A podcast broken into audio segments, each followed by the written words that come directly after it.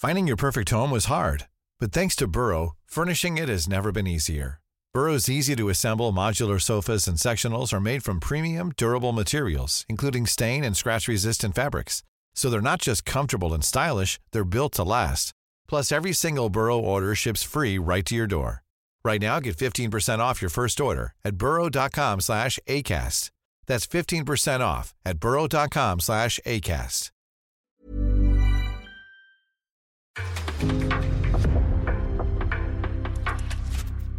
En podcast från Aftonbladet. Comebackerna, segrarna och den stundande cupfinalen. Ja, det snackar vi om den här veckan. Men kanske framför allt VM-truppen. Vilka ska egentligen med till VM? Hur ska den svenska truppen se ut? Peter Gerhardsson presenterar den om två veckor. Vi gör det redan nu. Och så introducerar vi dessutom ett nytt moment. Veckans lista. Ja, ni hör ju, det är fullt ös som vanligt. Så vad väntar vi på? Nu kör vi igång!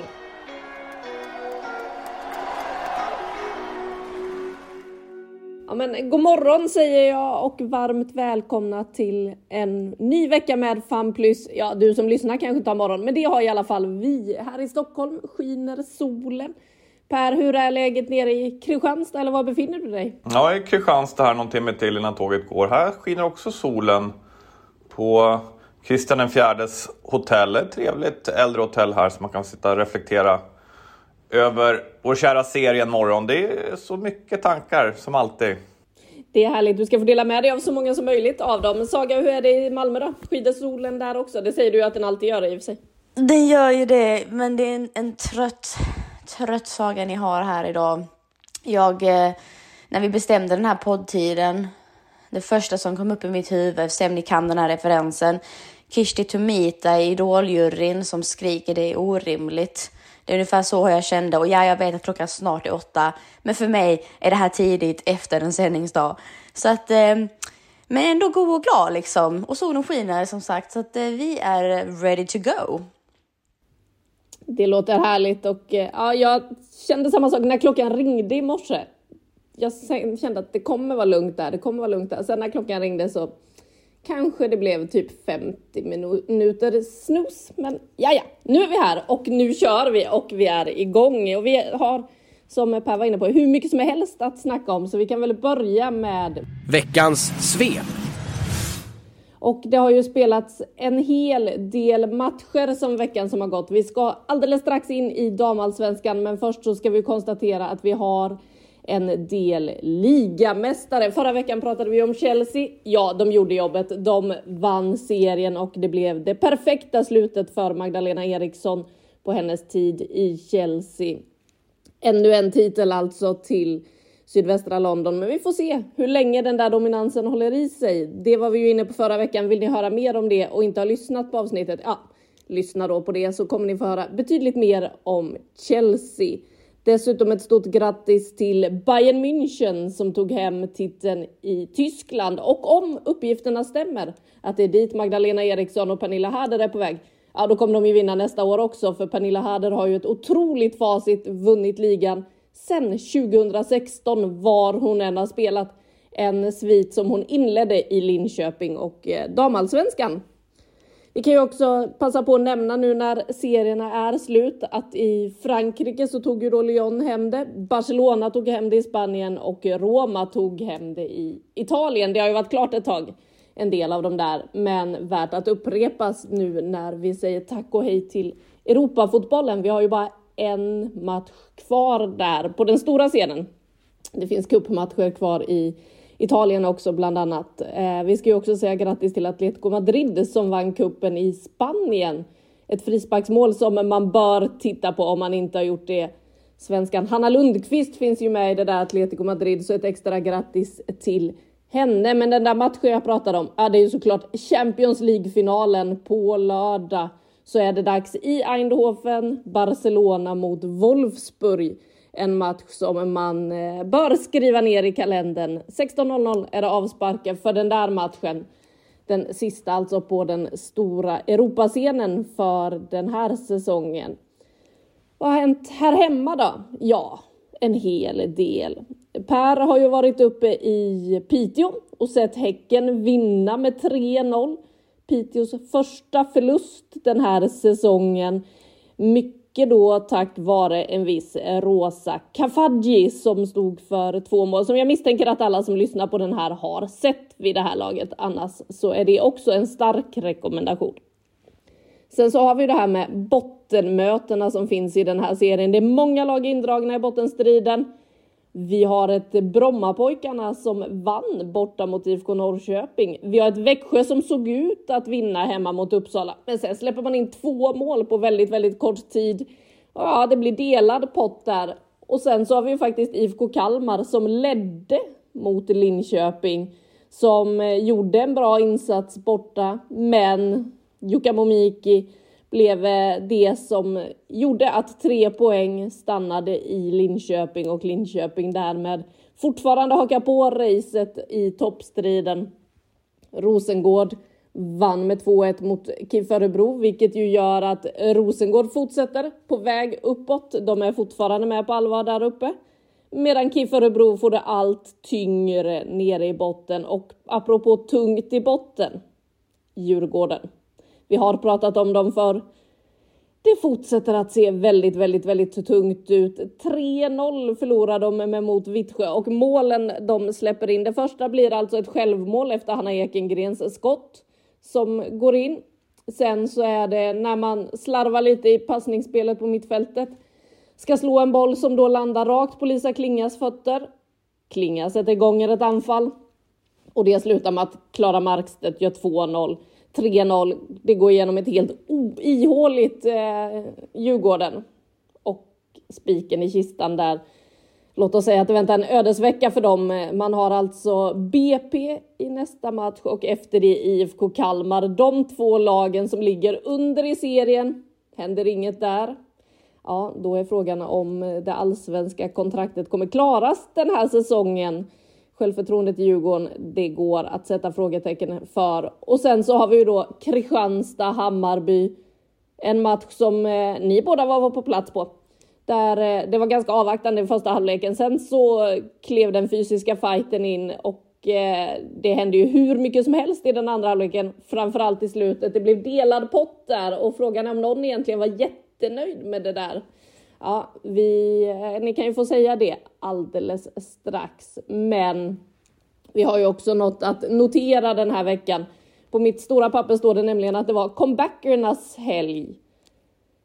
Vi fick se Kosovare Asllani för första gången, spelade 90 minuter i Milans seger. Det här var alltså första gången sedan hon bröt ihop under landslagssamlingen när hon inte kunde spela hennes ljumskskada Viktigt såklart med tanke på att det var sista matchen nu med Milan innan sommarens VM.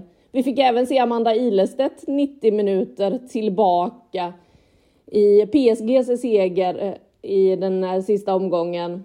Vi fick se Caroline Seger tillbaka. Vi fick se Olga Ahtinen tillbaka. Vi fick se Anna Koivunen tillbaka för att nämna några då som klev in i vår egen serie.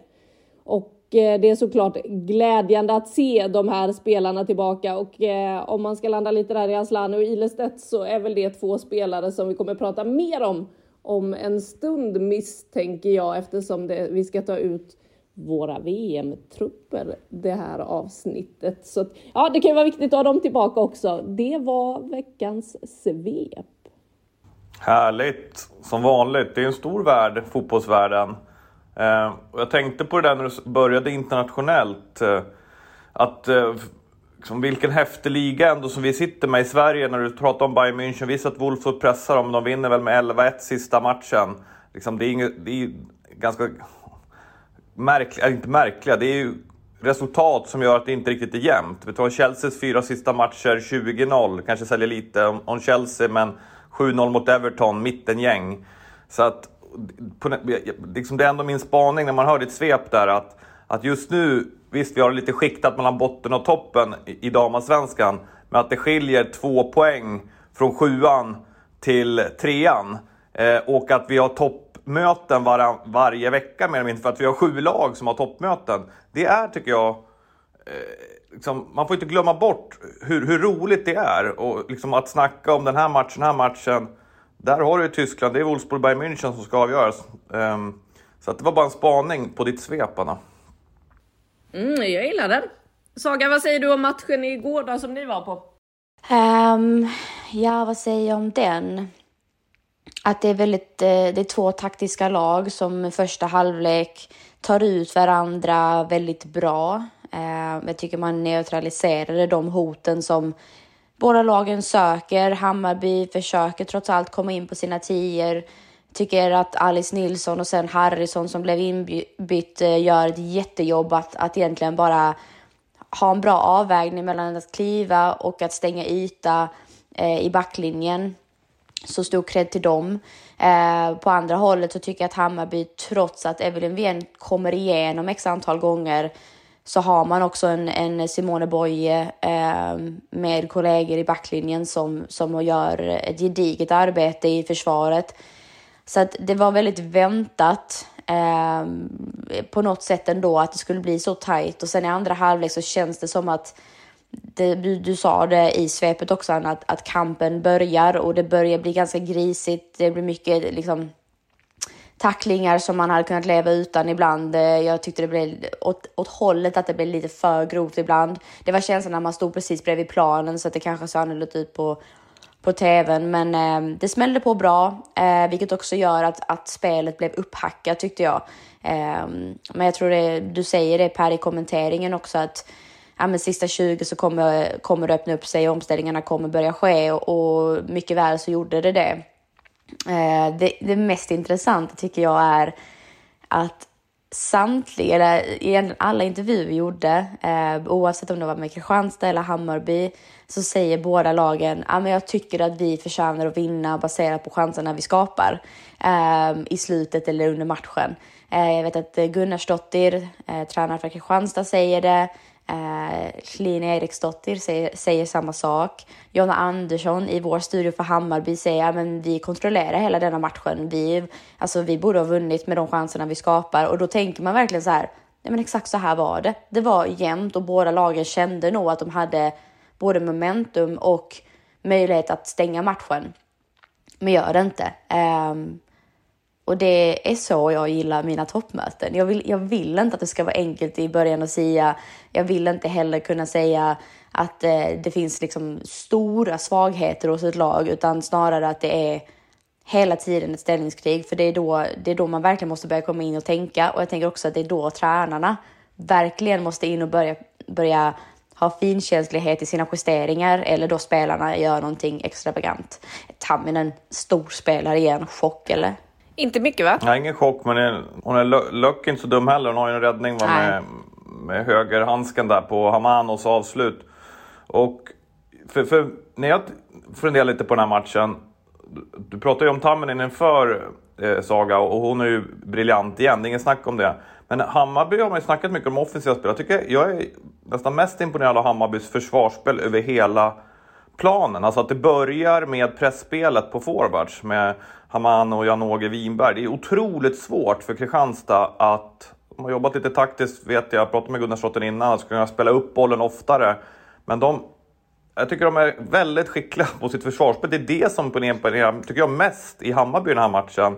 Att de gör det så otroligt svårt och vinner så mycket boll och kanske på det sättet har fler sekvenser med boll. Eh, de, de försöker också vara trygga med den. Å andra sidan så skulle man vilja se Hammarby liksom när de spelade som bäst. Det kanske är planen som gör lite grann att de skapar ännu mer målchanser med sitt bollinnehav. Så det, det var min spaning att det imponerade de här lagen där man tänker att det är anfallsspelet, men faktiskt tycker jag var det Hammarbys försvarsspel som imponerade mest. Och sen på, på, på tal om att var, varför det blir så här på, med mål kan man ju fundera. Alltså att Hammarby släpper in, eller att Kristianstad släpper in det där målet helt plötsligt så bara, då vrider de på någon, eh, trycker på en knapp liksom. Nu ska vi forcera. Och det har man ju sett att man kan, det kan ju ta ibland 15-20 minuter att få igång en forcering, om man ens får igång den. Det tog 10, ja det tog väl två sekunder. Sen bestämde de sig bara och flyttade upp hela gänget och jag vet inte, de hade åtta spelare och där kom deras fysiska spel. Där fick de tryck på, på motståndarplan, där fick de hörnor efter hörnor och så gör de ganska snabbt 1-1. Och inför matchen så sa Gunnar Slottir till mig att vi är inget lag som vill med, med 1-0 eller små. Vi, vi ska göra många mål liksom. Och vi kommer att gå för det. Och jag tror, det tror jag var matchplanen. Men de gjorde inte det. Men de gjorde det när de släppte in mål. Och det där kan man ju fundera på. Vad hade hänt om de hade testat forcera från start? Men tycker du inte lite att de gör det också med att jag upplever ändå att den taktiska delen som Kristianstad går in med är det rakare, en forcering i det avseendet att man söker upp fria ytor väldigt snabbt och flyttar upp laget. Eh, sen kanske, jag fattar vad du säger, liksom att det är en annan eh, frenesi när målet kommer, men jag tycker någonstans att Kristianstad har en ganska bra start. Jag upplever dem, även om det var en tight match i första halvlek, så var det ändå Eh, jag upplever att det var de som hade de farligare sekvenserna, förutom kanske Janogis chans precis i slutet. Um, vi vill också bara ta vidare med apropå försvarsspel, för vi pratade om det i studion igår, men det är kanske inte alla som har sett det. Det som är intressant med Hammarby är just att de har vid nio omgångar förra året så var det 18 insläppta mål och det här året är det, nu är det ju, efter nio omgångar var det sju. Eh, och det säger ju ganska mycket om utvecklingen som har skett i det laget defensivt och precis som du säger, vi pratar väldigt ofta om offensiva krafter men att defensiven är en så stor komponent och där hela laget är inblandat från anfallare till målvakt. Så det, ja, det är ett eh, Hammarby som, som är, kommer vara urstarka om de fortsätter på det här sättet. Eh, och samtidigt då vilket, vilket kvitto det blir för de lagen som ändå slår Hammarby. Ehm, jag säger inte att jag tycker att Hammarby är det mest fulländade laget. Jag tror att det finns andra lag som är, är starkare men, och jämnare framför allt. Men eh, att Kristianstad är ett bra lag, det tycker jag de visar om och om igen. Vi var inne på Tamminen en hel del här och det kan ju ta oss vidare till nästa punkt. För förra veckan eh, Saga så nämnde du att Tamminen är kanske seriens bästa målvakt och då kände jag direkt att hmm, här skulle jag vilja ha en lista på de tre bästa målvakterna. Så från och med den här veckan så ska vi ha med veckans lista. Och eh, Saga, det är du som har fått lista den här veckan. Det blir då inte de bästa målvakterna, men vad blir det? Det blir, eh, ja men för det första så älskar jag ju den här eh, programpunkten. Eh, alla älskar väl listor generellt tänker jag. Men... Eh, men du kommer inte få göra den varje vecka, det vet du va? Ska jag göra den varje vecka? Nej, du kommer inte få göra det. Du kommer få dela med dig. Ta, ta, ta, ja, ta vara det på har jag inga problem med. Vi delar bördan, höll jag på att säga. Ja, men det är svåra val som ska göras här, men veckans lista denna gången blir det tre, topp tre skador som har påverkat ett lag allra mest. Eh, med stor respekt för att alla skador påverkar alla lag. Men om man måste välja så tar jag dem nedifrån. Jag tar från 3, 2, 1 så att vi har absolut största påverkan på topp ett alltså. Eh, tredje plats har jag valt eh, Claire Polkinghorn för Vittsjö av den anledningen att eh, hon får lite symbolisera alla skadorna som Vittsjö hade, men hon är ett jättetapp anser jag. Eh, jag håller det lite snärtigt och kort här så vi inte blir långdragna, men eh, det har ju definitivt påverkat deras spel. Däremot har de ändå lyckats Eh, hålla sig i liksom tillräckligt bra skick för att vinna sina matcher, om än med en boll och så vidare. Eh, nummer två sjukt att sätta seger på nummer två, men det gör jag. För att jag tycker trots att seger har uteblivit från Rosengård så har hon, det är jättestor påverkan och hon med all rätt är den ledaren hon är på utanför planen. Det är ändå Rosengård som har så pass bra spets i laget att de påverkas de påverkas uppenbarligen, men har ändå klarat sig. Jag tycker fortfarande att det är påtagligt i deras spel att de saknar sin mittfältsmotor. Där har de verkligen eh, glädjande besked att hon är tillbaks på planen. Eh, Topp ett då, eh, och jag hoppas och tror att ni håller med mig, men Olga Ahtinen. Gud vad Linköping har saknat Olga Ahtinen i det här början av säsongen. Det där är av en anledning eh, en av de bästa mittfältarna i hela ligan och jag tycker att det är jättepåtagligt i Linköpings spel att de inte kommer upp i den nivån som vi har sett dem tidigare och det är i mångt och mycket tycker jag på grund av att hon inte har kunnat vara spelklar. Eh, så där har ni min lista, topp tre skador. Man, man får, inte, får, får man frågasätta? Nej, det kanske man inte får på listor. Det är det alla jo, kommer det göra. Det är klart du ska. Jag, jag tyckte, Lindahl då? Tänker jag. Djurgården har ju kämpigt. Vad hade hänt om hon stått? Men tycker du det är där de faller? Uh, faller på många sätt. Nej, det är det här som är så roligt med Mr. Och jag tänkte även på Koivunen i Kalmar. Uh, nu är hon ju tillbaka i och för sig. Så att, Ja, men det, här är roligt. Man kan tycka att jag håller helt med om Ahtinen. Det är ingen snack om det. Det har, det har ju varit enorm skillnad. Eh, så att eh, där är vi i alla fall överens. Ja, och jag håller med om Ahtinen. Alltså att se henne komma in i matchen mot IFK Kalmar, vilken skillnad det blir. Alltså dels ledaregenskaperna och den pondusen hon har när hon kliver in där centralt på mittfältet. Men också de bollarna hon kan slå. Man ser ju direkt att oj, just det, det var det här hon kan. Alltså passningarna bakom motståndarnas backlinje som helt plötsligt då ger anfallarna ytor att löpa på. Det där saknade de ju helt innan och det var väl också lite därför det kan se skakigt ut för ett Linköping som bländade oss alla mot Rosengård. Såg ändå liksom otroligt bleka ut mot IFK Kalmar och eh, de var ju inte alls nöjda själva med insatsen som var. Sen var de såklart nöjda med att det blev tre poäng ändå, men jag tror att de fick en, eh, ja, lite att tänka på efter den där matchen. Men att Olga Ahtinen kommer in och gör det hon gör och man ser direkt att okej, okay, lite, lite timing kanske saknas fortfarande, men det är inte mycket. Det är inte långt kvar till det att hon är uppe på den här nivån igen och det kommer ju givetvis att höja Linköping och hon är en attraktion i den här serien. Hon utsågs ju också till seriens mest värdefulla spelare i fjol så att det är klart hon hade varit ett tapp för ganska många lag om hon hade försvunnit. Finding your perfect home was hard, but thanks to Burrow, furnishing it has never been easier. Burrow's easy to assemble modular sofas and sectionals are made from premium, durable materials, including stain and scratch resistant fabrics. So they're not just comfortable and stylish, they're built to last. Plus, every single Burrow order ships free right to your door.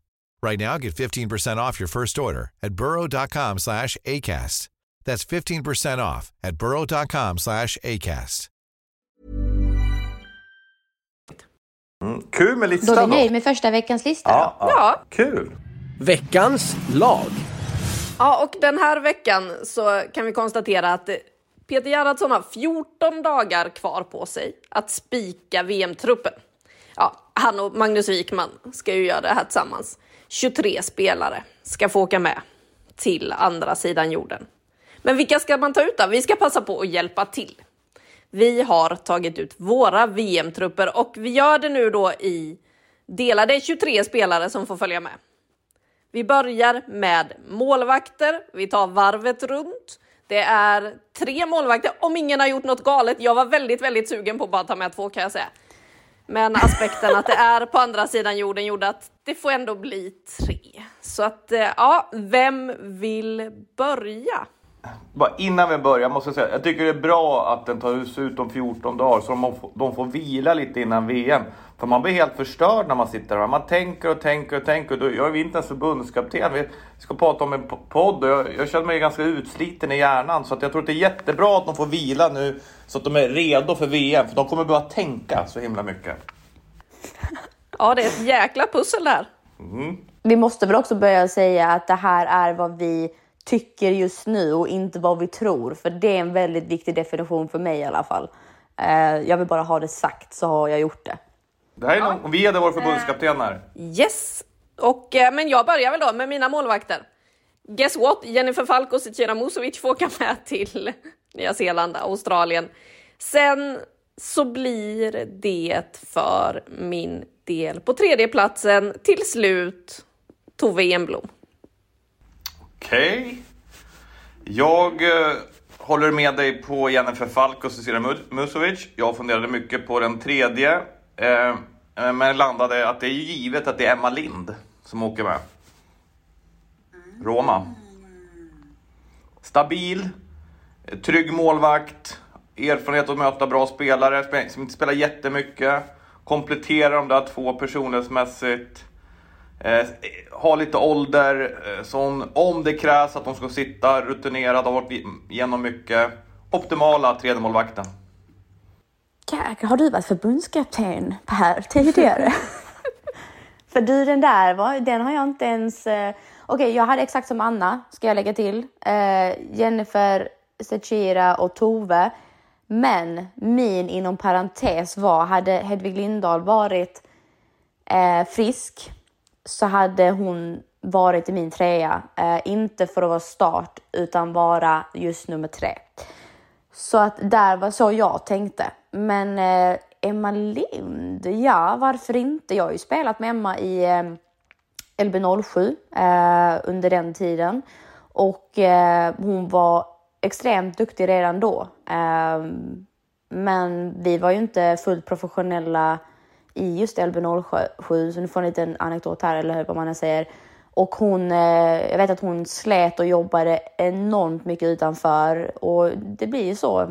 The craft blir lidande eh, och kunde inte alltid vara liksom så eh, energirik som man behöver vara för att orka med fotbollen.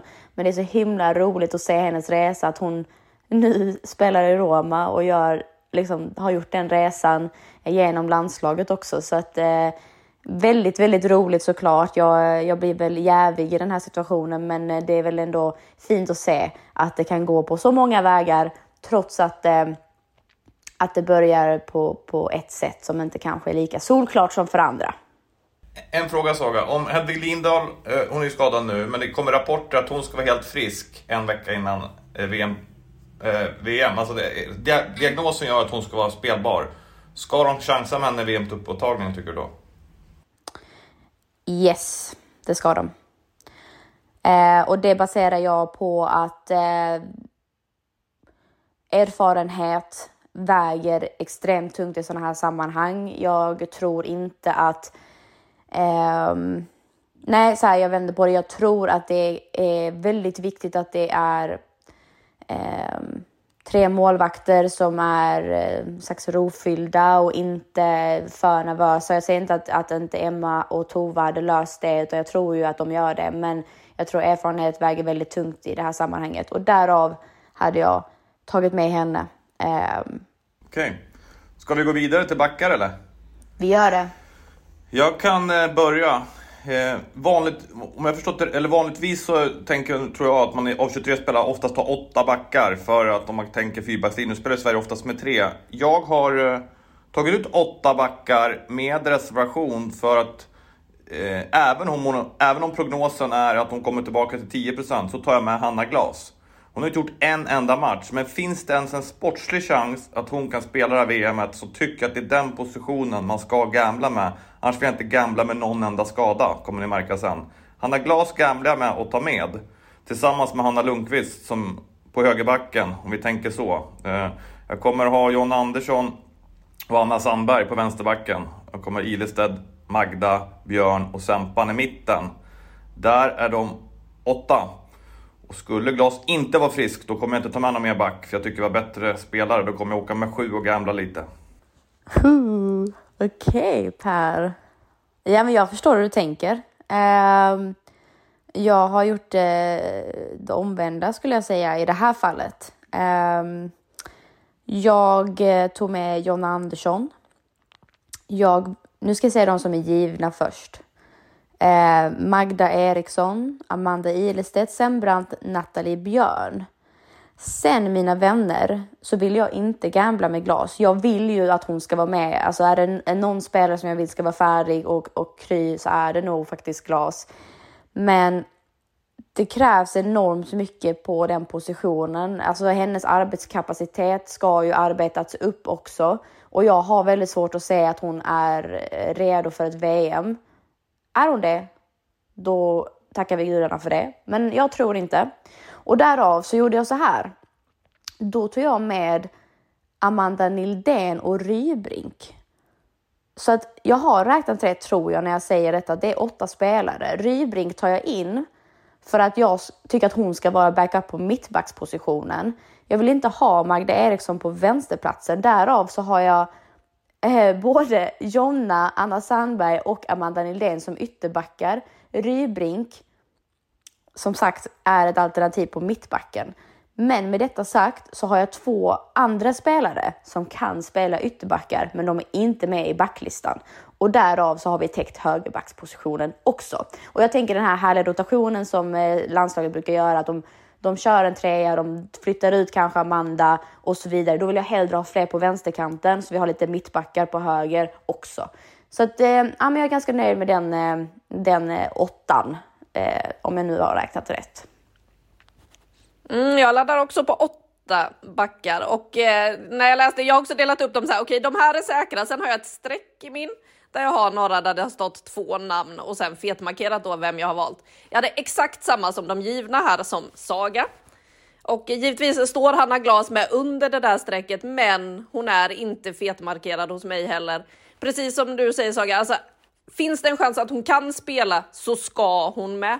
Men jag tycker att det är lite oroväckande. Alltså, alla andra spelare och så som har varit skadade, det kommer hela tiden lite updates. Och nu är jag uppe och springer, nu gör jag det här, nu gör jag det här. Det är så tyst från USA där Hanna Glas befinner sig så att nej, jag tror tyvärr att hon är för långt borta för att klara av ett VM. Det är en spelare jag väldigt, väldigt gärna hade velat se och som jag dessutom hade velat se få ett lugnt och fint mästerskap jämfört med det hon klev in i England till exempel. Men eh, nej, då blir det Hanna Lundqvist som står på den raden. Jag körde två Hanna på samma rad här. På nästa rad så har vi då på vänsterbacken Amanda Nildén eller Anna Sandberg. Det blir Anna Sandberg i min trupp. Och sen så har vi då det sista namnet. Där står det Stina Lennartsson och det står Emma Kullberg. Och det är faktiskt Emma Kullberg som åker med i min trupp. Lite med tanke på att jag har tänkt att så här kanske Peter tänker.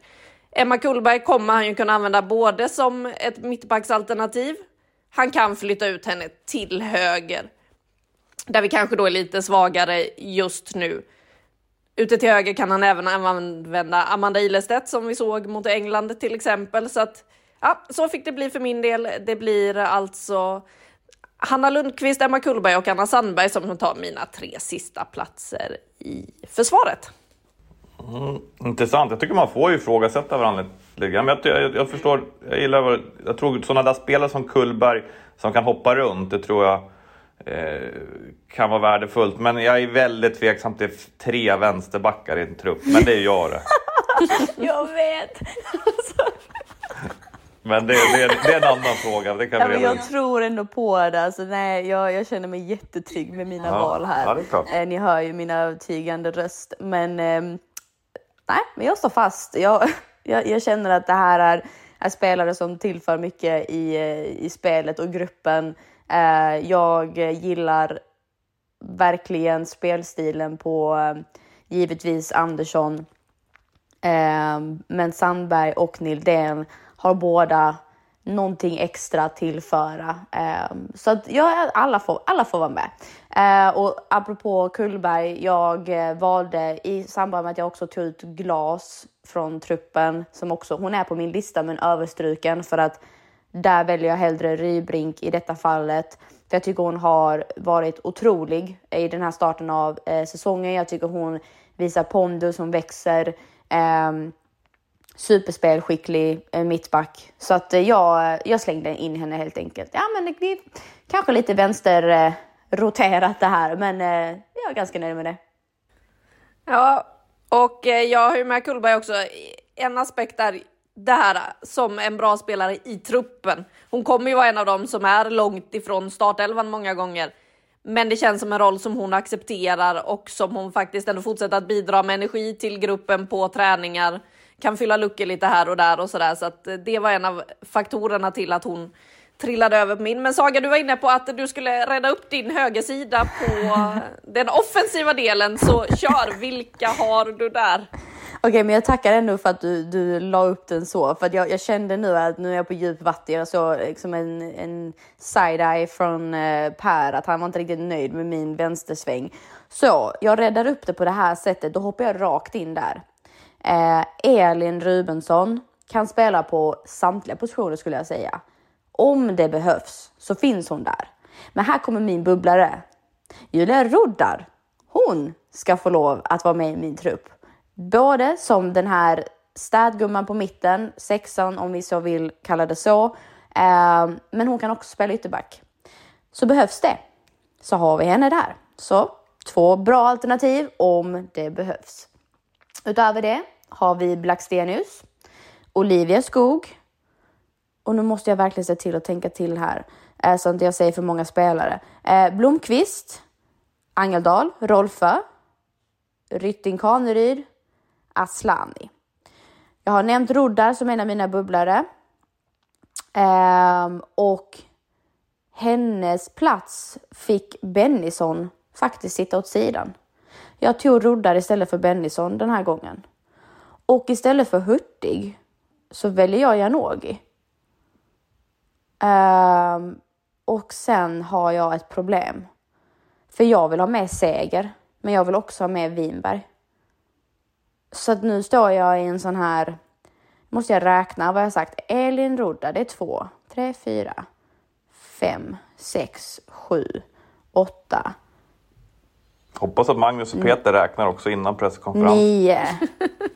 Ja, förlåt, jag kunde varit lite bättre, men det blir ju virrigt när jag har mina sådana liksom jag tänker tre steg vad de kan vara och göra. Jag hade ändå, jag vill nästan visa jag hade en jättefin sån här. Mm, men, men eh, säg nu, hur många har du nu då? Ja, men jag vet ju inte, jag har tappat räkningen. Okej, jag ska ha 12, eller hur? Då är det 1, 2, 3, 4, 5, 6, 7, 8, 9, 10. Ja, men jag får med båda två. Jag får ju med både Seger och Winberg. Då hade jag tänkt rätt. Där har vi min 12. Så tydligt. Jag hoppas alla som ja. lyssnar kände ja, men, att det här var förtroendeingivande och jag vet precis vad jag vill göra med den här truppen. Ah. Vi får återkomma till dig. Nu tar vi Anna. Jag tror det är lite mer strukturerat faktiskt. Ja, och som jag sa, jag har ju min säkra lista och sen då ett litet streck där jag har funderat lite mer. Om jag drar den säkra listan då så har vi Filippa Angeldal, Kosovare Aslani, Stina Blackstenius, Fridolina Rolfö, Elin Rubensson, Johanna Rytting Kaneryd, Olivia Skog, Caroline Seger, Rebecka Blomqvist. De är ovanför strecket. Sen så kommer det ju då tre namn till som ska in. På en rad så står det samma val som Saga var inne på. Lina Hurtig eller Madeleine Janogy. Madeleine Janogy ska åka med. Lina Hurtig har tyvärr haft alldeles för mycket skadeproblem, inte spelat särskilt mycket under våren. Dessutom en spelare som hade så svårt att hitta platsen för i landslaget under EM förra sommaren. Så att det blir ju lite en huvudvärk som försvinner för Peter och Magnus, för det är en väldigt skicklig spelare som kan tillföra väldigt mycket, men man har inte lyckats få ut det i landslaget. Så in med Madeleine Janogy där. Vi kan inte ha för många spelare heller som har skadeproblem, för som vi var inne på, Kosovare Asllani har precis varit skadad. Amanda Ilestedt har precis kommit tillbaka. Fridolina Rolfö har inte spelat på ett tag, så att det finns en del frågetecken bland de här spelarna, vilket gör att det finns inte plats för för många. Sen har vi då den där det står tre namn. Här står det Sofia Jakobsson, Matilda Winberg, Rosa Kafaji. Och jag vill ju med tanke på hur det har sett ut senaste tiden väldigt, väldigt gärna ha med Rosa Kafaji. Men jag tror ju inte att det blir så. Just nu när jag ska sätta min trupp så är det Matilda Winberg som får den där platsen. Men det ska sägas att eh, jag kan mycket väl svänga efter kuppfinalen när vi får se de här två mot varandra nästa vecka. Men eftersom jag ska välja här och nu så blir det Matilda Winberg. Hon var med under resan eh, till Australien i höstas, har testat på det där med tidsomställningen, fått vara med en del i landslaget. Där har fortfarande Rosa Kafaji en bit kvar. Hon är inte lika inspelad i landslaget med Gerhardsson. Visst, hon har fått vara med någon gång, men sen har det varit den här långa skadeperioden och sådär. Så att eh, jag tror kanske inte att man vågar gamla med henne utan att man kör på Winberg. Och sen på den sista raden så står det Hanna Bennison. Det står bara Hanna Bennison. Jag kommer inte på ett alternativ till Hanna Bennison. Eh, för jag känner inte att hon är spikad i truppen från början. Men som sagt, jag hade lite glömt bort Julia Roda. Jag gillade det valet, men i min trupp så står det bara Hanna Bennison. Så att eh, Bennison får följa med bland mina 23. Mm. Är du nöjd med strukturen nu Per? Ja, eh, nej, men jag får reda ut det här. ja, men, jag, det här är jag faktiskt inte nöjd. Jag, med, med, eller jag är inte nöjd med min trupp här. Balanserat. Alltså man måste titta på centrala mittfältare. Sverige spelar ju ganska ofta, tycker jag, med två. Oavsett om de spelar 3-4-3 eller 4-3-3, att de har två. Och liksom, om, man vet att Seger med den skada, hon ska med i min trupp och Angedal är given och Rubensson är given. Det är ju de tre. Där saknar jag en spelare. Eh, eh och för jag har inte tagit med Hanna Bennison. Eh, vilket kanske är fel. Eh, men jag hade den som, om Glas inte skulle kunna vara med, då är det, det här är ändå inte Bennison, utan då är det Roddar. Som Saga var inne på, för jag tycker hon kan spela ytterback och central mittfältare. Men jag har alltså valt bara gå med tre centrala Klart att Kosse kan spela där, men det är ett bekymmer tycker jag när man har Segers problematik och Rubensson. Så därför är jag inte nöjd. Jag är nöjd med mina spelare, men jag är inte nöjd med balansen i det här.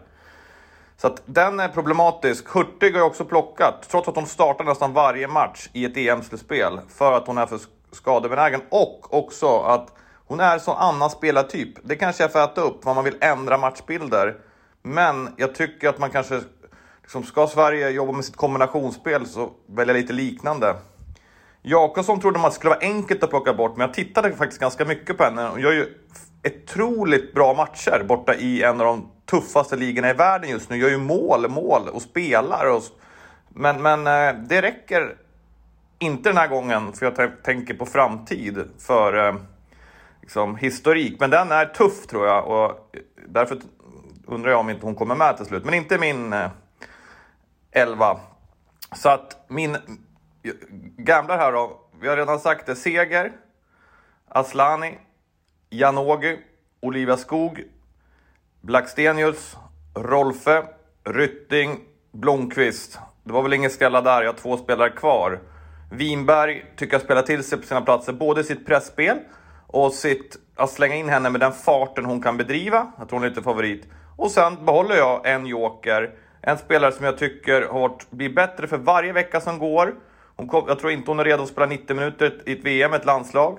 Men jag tror att om hon fortsätter utvecklas varje vecka som går så kanske är det den mest spännande jag kan slänga in och det är Rosa Kafaji som får min sista plats i den här VM-truppen. Alltså jag tänkte precis som du Per. Då är vi inte så långt ifrån Nej, varandra.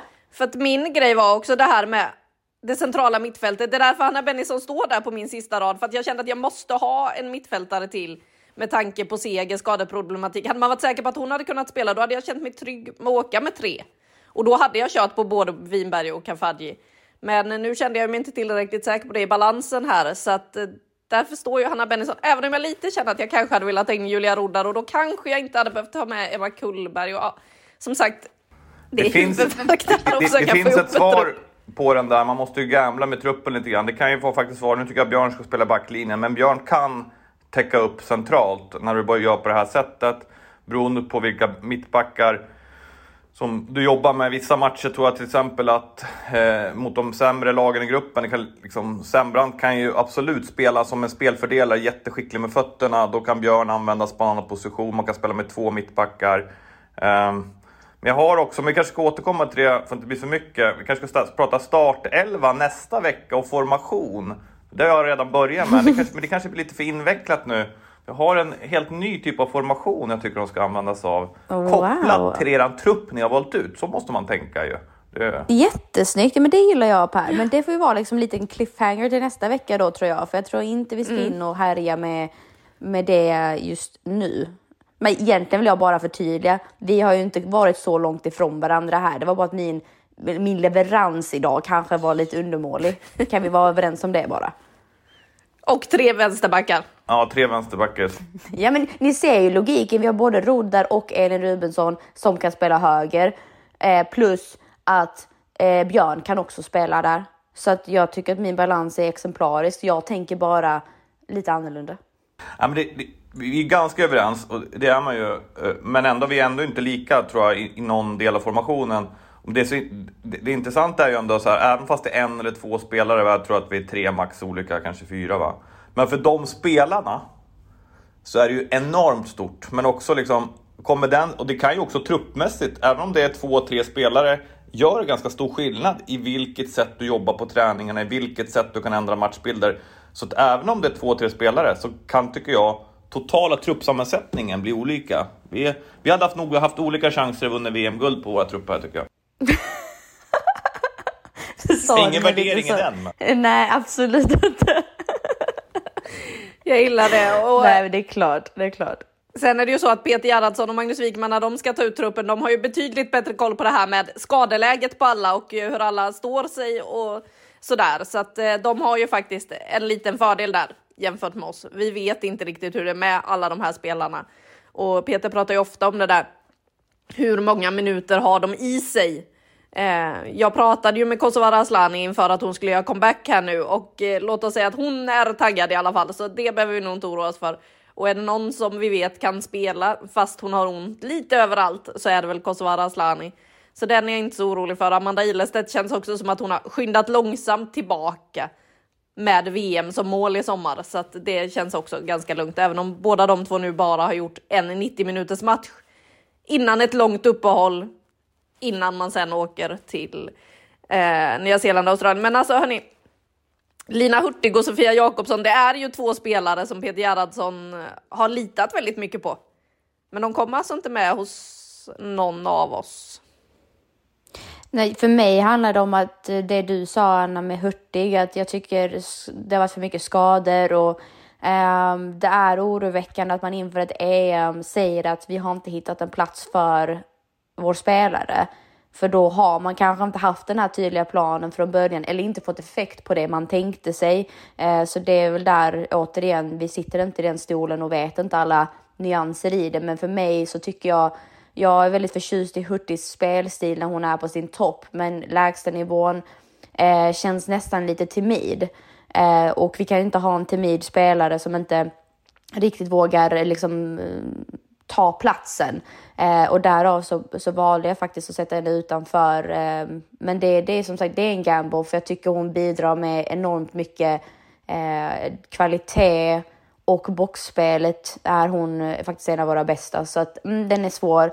Eh, för mig Jakobsson, Um, där ska jag erkänna att jag tittar inte lika mycket på henne i USA. Um, ehm, man har sett lite grann. Däremot så tycker jag inte att hon får ut det i landslagssammanhang. Ehm, jag tycker att hon har en, en snabbhet som är skräckinjagande för vilken eh, backlinje som helst, men det gäller också att få in bollarna och jag, jag upplever inte alltid att hon, att hon eh, får den slutprodukten och därav så, så har jag valt att som sagt eh, hellre lämna plats för en Janogi Janogy som kan spela både tia och ytter, Winberg lika så eh, Eh, med, med övriga ytterspelare. Så att eh, nej, där, därav min eh, mitt beslut då. Ja, men den är ju ruskigt tuff liksom. Och du har ju helt med dig Saga att Hurtig i sina bästa dagar är ju en av Europas bästa spelare. Och vi är ändå värvad till Arsenal av en anledning. Så att det handlar nog mycket om hennes skador. Liksom är, får landslagsledningen bedömning att hon är helt frisk? Jag, oavsett vad jag tycker så tror jag att hon kommer spela. Och det är ju lite klurigt med Jakobsson också. Hon har gjort väldigt mycket för Ersson och Wikman. Hon har gjort bra mästerskap tidigare, riktigt bra. Och jag tror motståndare liksom, om man ska tala för henne, jag står för mitt val, har stor respekt för Sofia Jakobssons fart och genombrottsspel. Sen får vi inte glömma bort, de här två 206 landskamper ihop och 43 mål. Alltså han väljer bort 206 landskamper. Eh, och därför tror jag inte att... Jag skulle bli oerhört förvånad om de skulle peta båda de här. Det tror jag inte. Ja, men det var inte det vi skulle göra idag. Nej, nej, nej, nej, det skulle vi inte säga. Men jag skulle bara säga vad jag tror nu. Nej, jag, ja, jag håller helt med. Och det känns ju som att Sofia Jakobsson är en spelare som gör sig bra i truppen och gruppen också. En spelare med en otrolig energi. Men ja, eh, i våra trupper finns hon inte med. Om två veckor får vi veta hur det ser ut. Det är då Peter Gerhardsson och Magnus Wikman presenterar den slutgiltiga VM-truppen. Nästa vecka ska vi alltså hjälpa dem på traven med startelvan. Men här har vi våra trupper alltså. Vi ska gå vidare hörni. Vi ska gå vidare till där. Veckans snackis.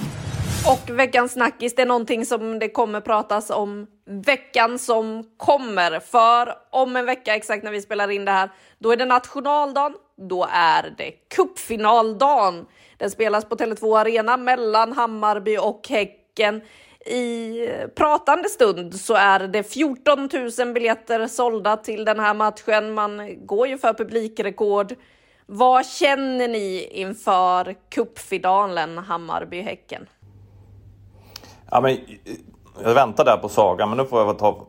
Det är alltid lättare tycker jag att komma tvåa. Jag känner så här. Eh, häckens form är otroligt stark just nu. Det är ett Häcken som, som matchen mot Linköping har gjort dubbelt så mycket mål. De tar ner Piteå. Det är, eh, det, det är ett jätte, jättebra Häcken som går in i den här en Hammarby som inte vunnit på några matcher, men med publiken och Hammarbys gillar, tror jag, liksom spela på Tele2, storleken, farten kan vattnas, de är bekväma på det här.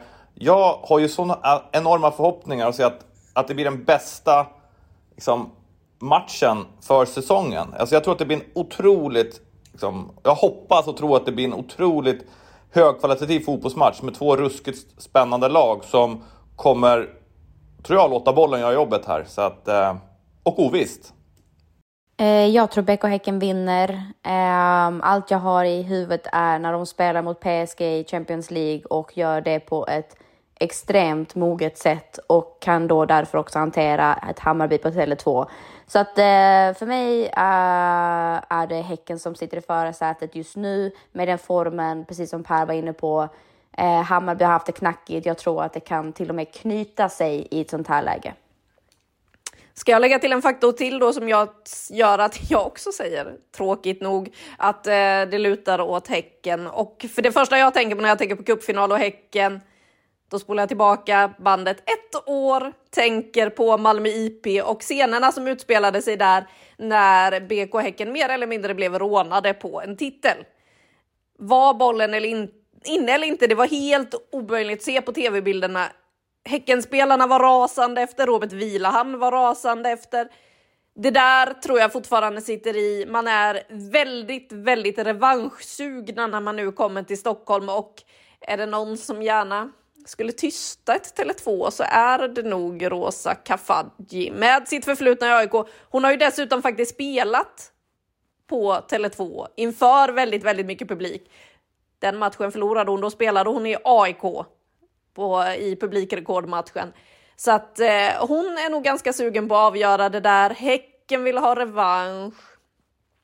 Ja, det blir en hel del för Hammarby att bita i, men ja, de, det är upp till bevis för dem med tanke på den formen som de har haft. Men äh, i min värld så är det också Häcken som tar hem det. Ja, jag tror att det avgörs på straffar och det går inte att tippa så att eh, så jämnt blir det. Sa du inte precis Häcken? Nej, det sa jag inte. Jag kanske bara själv satt och tänkte på det. Det var därför jag inte sa det. Jag sa att det är högkvalitativ fotbollsmatch. Jag sa att Häcken var i form. Ja, ah, du feg ur alltså. Nej, jag säger oavgjort. Okej, okay, okej. Okay. det blir ju roligt med en straffläggning också, för vi har varit inne på den här målvaktskampen som finns då i de här två lagen. Jennifer Falk, Anna Tamminen, vem kommer vara bäst under press? Ja, det blir intressant att se. Men eh, hörni, tiden börjar eh, rulla ut så att vi ska väl dela ut veckans 5 plus och ja, det hänger ju lite ihop med det här. För efter det som du fick bevittna Per i fredags, eh, vem får 5 plus den här veckan? Ja, men jag tror jag sa det, här, jag tycker man kan ta bort ordet talang på Rosa Kafaji. Eh, med tanke på de två prestationerna så har hon växt ut till en stjärna. Eh, frågan är hur långt den där stjärnan kommer att lysa, hur länge och hur, vilka världsdelar. Men de två målen i en, liksom, mot serieledaren obesegrade Piteå, de har värd 5 plus och Rosa Kafaji får dem den här veckan. Inget snack om saken. Med det hörni så ska vi ta och bara nämna veckans match då. Vad ser ni fram emot den här veckan? Jag själv laddar för att åka till Holland, se Champions League-finalen mellan Wolfsburg och Barcelona på plats och se om det blir Rebecka Blomqvist eller Fridolina Rolfö som får stå i det vinnande laget där. Den lyfter jag. Alltså först och främst super avundsjuk och grattis till dig Anna att du får åka iväg på den. Håller med dig, det är ju verkligen en, veck, en match att se fram emot. Eh, jag kör kontrasternas kontrast. Eh, Brommapojkarna Djurgården ser jag fram emot för det där ångestmötet, det har vi pratat om och eh, det kommer vara ganska avgörande. Så den, eh, den är min veckans match. Ja, då, man tar alltid första matchen först. Det är fredagens match. Det är på Hammarby IP. Norr, Norrköpings fans kommer komma dit. Vem vinner läktarkampen? Eh, det är ju en häftig Hammarby-Norrköping fredag 18.00. Vi är inte överens om något idag, ja. hörni. det är härligt. Jag gillar när vi inte är riktigt överens. Och lägg till det, det där alltså att vi har en också. Ja, det är det. Ja, och vi har en kuppfinal på tisdag att se fram emot. Så att, ja, det är en fullspäckad fotbollsvecka som väntar. Vem är förvånad? Inte jag. Hörni, vi måste ladda för den här veckan. Vi måste vila våra hjärnor efter att ha tagit ut VM-truppen. Och eh, du som lyssnar får ju gärna höra av dig. Eh, leta upp oss på sociala medier eller mejla mig på anna.rundén.aftonbladet.se om ni har några synpunkter på våra trupper så tar vi mer än gärna upp det nästa vecka. Saga lägger händerna för ansiktet direkt här och känner kanske att det är fler som kommer undra varför man tar Nej, med jag är jättenöjd med min, min trupp. vi får väl se. Ja. hörni, tack för den här veckan Saga, tack Per och tack till dig som har lyssnat. Vi hörs igen om en vecka när vi vet vilka som har vunnit kuppen.